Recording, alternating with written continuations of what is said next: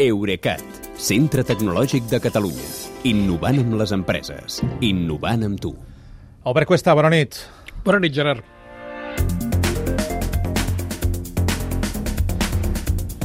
El que dèiem, estàs observant les derivades tecnològiques d'aquest conflicte i algunes venen de, de molt lluny ja.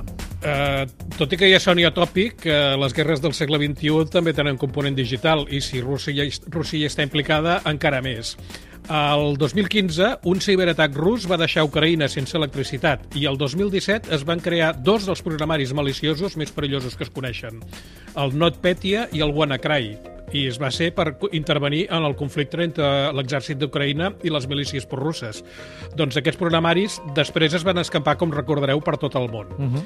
Ara, els governs, les empreses i les infraestructures d'Ucraïna porten, de fet, porten mesos patint ciberatacs des de Rússia fins al punt que les bases de dades oficials que estaven repartides pel país perquè no hi havia prou bona connexió es van concentrar fa un parell d'anys en, en centres de dades de la capital, de Kiev, i en principi va ser per protegir-les millor de ciberatacs amb l'ajuda d'experts occidentals.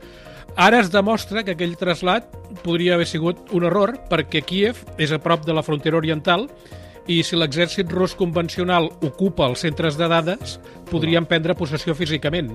Uh, per això ja a, a Ucraïna es veu que hi ha un pla de contingència que consisteix en fer còpies d'aquestes dades en zones més allunyades, cap a Occident, i esborrar cap a l'oest, i esborrar els, els originals abans que l'exèrcit rus entri a la capital. Eh, en sentit contrari, eh, les possibles sancions occidentals a Rússia també tenen conseqüències digitals i no només per Putin. No, no, no. Sí, eh, és cert, amb una, la, amb una llista de les possibles sancions a Rússia que circula eh, si no es retira d'Ucraïna, es menciona específicament tallar-li l'accés a les actualitzacions de programari occidental.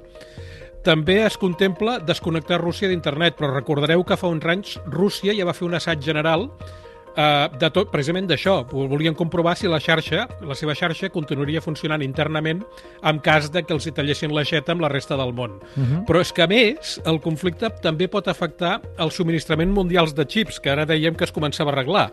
Uh, eh, perquè entre les primeres matèries que calen per fabricar xips n'hi ha dos que provenen precisament de la regió. El 90% del neó ve d'Ucraïna i el 40% del paladi ve de Rússia. Per tant, el que dèiem, eh? Rússia i Putin té més elements de negociació més enllà de, del gas i de l'alumini. Eh, són coses del nostre món globalitzat, Gerard. Això sí que ho té. Albert, molt bona nit, gràcies. Fins demà. Fins demà.